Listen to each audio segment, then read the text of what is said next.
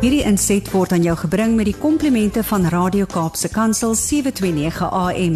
Besoek ons gerus by www.cape pulpit.co.za. Hello, Zanti. Welcome. Hello, Brad. it is really amazing and uh, a privilege to hear your voice Ah. this morning, and I really want to give God glory Amen. for for looking after you and um, yeah, pulling you through. Thank are you very much. I am very happy to hear your voice. this A- morning. As as am I to hear your kindness and thanks for all of your prayers. You and Lawrence appreciate your support through the journey as well. It's nice to have not done this on my own. So thanks for being uh, uh, my daily companion. Ah, praise the Lord for that. No, you are very special, and um, yeah, what lies in front you in front of you is so Mm. big that sometimes, yeah, we go through these storms to make us realize that that God can take us through it all. Yeah. Sometimes around it, and sometimes through it. Mm. And it's so interesting because that is my topic this morning. Um, is I, I named it the spider web or a brick wall. Mm. And um, it's very interesting the story I'm going to share with, with our listeners this morning. Maar my vraag aan jou vanoggend is luisteraar en aan myself want ek praat nooit oor goeders wat ek nie self oor journey en met die Here mee praat en ondervind nie is dat soms is die Here se se plan of se manier wat hy werk net so way anders as wat ek gedink het. Jy weet ek ek dink baie keer ek self wat 'n mamma is van 'n paar kinders en uh wat my eie besigheid het en jy weet soms ons ons is maar op ons knieë en ons bid Mm. en ons vertrou die Here maar dit is half asof asof ons vir hom bid vir jy weet ons ons uitdagings en die dinge waarmee ons maar bietjie struggle op 'n daaglikse basis but then Brad we also give him the list of how we think he should um give us a solution Correct. you know, it's it's as if our solution list is even longer than the other one. Yeah. So God, this is the problem, but um, I want you to uh, dit los dit asseblief my op in die volgende maniere. Dit moet gebeur, dat moet gebeur en die ander ding moet gebeur. And then sometimes we go through a process where we trust God for something not to happen. Hmm. And then it does happen. And then we can we can sit with two things. We can either sit with a trust issue or we can say, Lord, you know best and there's a reason why you are taking me on this journey. Mm. And I have, through all the challenges and every journey and storm I've been through, because there was a time in my life where I, I, I shared it a couple of years ago also, is Mm. that it felt that I was just coming out of one storm, Yeah. take a breath, and then I'm going into another one. And I couldn't understand why this was happening and, and why God chose to take me through it. And it just felt like other people were just always taken around Yeah. until I realized that it's all part of God's plan and the skills and the trust and the the, the knowledge and the direction he gave me after that is worth more than all the gold and silver and diamonds on earth.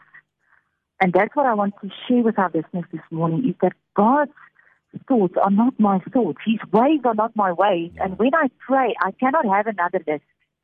I cannot have that solution list, but God's your solution should look like this. Mm.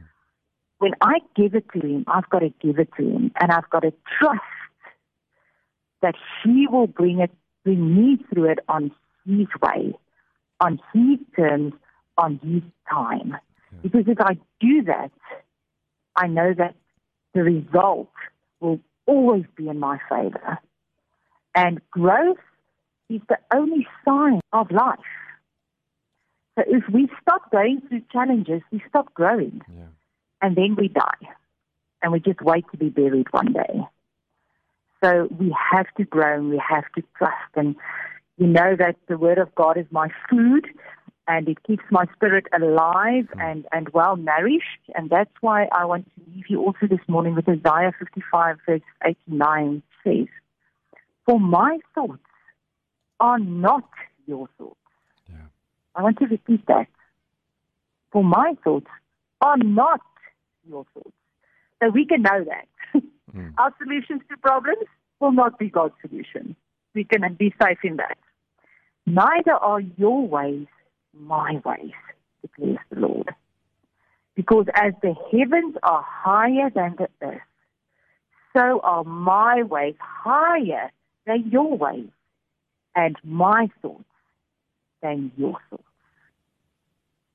This is a verse I hang on to with my whole life when I go through things and I say, Lord, I acknowledge today that my thoughts are not your thoughts, mm. but I give over to your thoughts. My ways are not your ways, but I trust your way. As the heaven are higher and you are so much bigger than I can even comprehend by using my full capacity of my brain, I can never understand your ways and your thoughts. But I surrender to them mm. because I understand that in your hands I am much safer than my list of solutions. Yeah. So beautiful a quote I read that says, God hears every unspoken word. He sees every unseen wound and he mends every unbearable pain. Have faith and trust him. I want to share with you a story this morning that just brings this this concept to life and, and it just made may it just fall into your spirit this morning as you listen and I always have a saying that many things in life are not taught, they are caught. Mm. And maybe catch something through this man's true life story and lesson that will change your paradigm today to really give and surrender to the Lord but trust Him to work it out in His ways by His thoughts and surrender your own. You see, during World War II, the soldier was separated from his unit on an island. The fighting had been so intense, and in the smoke and the crossfire, he had lost touch with his comrades. Alone in this jungle, he could hear enemy soldiers coming in his direction. Mm scrambling for cover, he found his way up a high ridge to several small caves in a rock. Quickly, he crawled inside of one of the caves. Although, although safe for the moment, he realized that once the enemy soldiers looking for him swept up the ridge, they would quickly search all the caves and he would be killed. As he waited, he prayed. He said, Lord, please please spare my life. Mm. But whatever will happen, I love you and I trust you. Amen. After praying, he lay quietly, listening to the enemy begin to draw close. He thought to himself, Well, I guess the Lord isn't going to help me out of this one. Isn't that typical? Yeah. We all do that. We pray and we trust, and in the next breath we say, But God is not going to help me. Then he saw a spider begin to build a web over the front of his cave. Ah, he thought, what I need is a brick wall, Lord. Hmm. And what the Lord has sent me is a spider web. He said he just thought in his head, God does have a sense of humor. As the enemy drew closer, he watched from the darkness of his hideout and could see them searching cave after cave as they came to his, he got ready to make his last stand. But then he heard the leader of the soldiers say, You may as well ignore looking in this cave, guys. Uh, if he had entered here, this web would have been broken. So they left and he was delivered. To his amazement, however, after glancing in his direction of the cave, they moved on and walked away. Suddenly he realized that with the spider web over the entrance, the cave looked like as if no one had entered it for quite a while. He said he prayed, Lord, forgive me. I had forgotten that in you a spider's web is stronger than a brick hmm. wall. Wow. He will use the most foolish things in this world to confound the wise. God is our protector. We can trust Him, we can believe in Him, but not in our wildest dreams can we think in which way He will deliver us. Mm.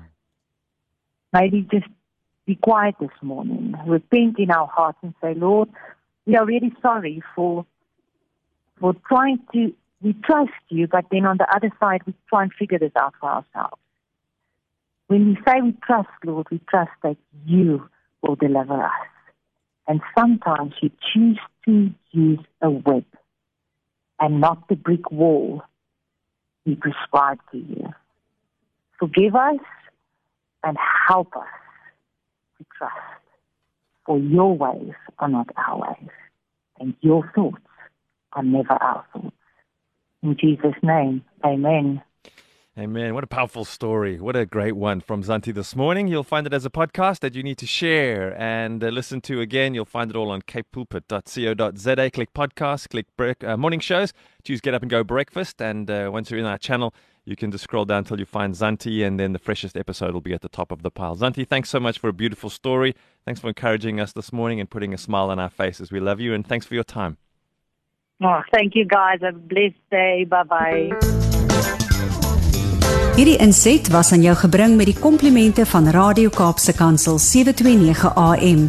Besoek ons gerus by www.cape pulpit.co.za.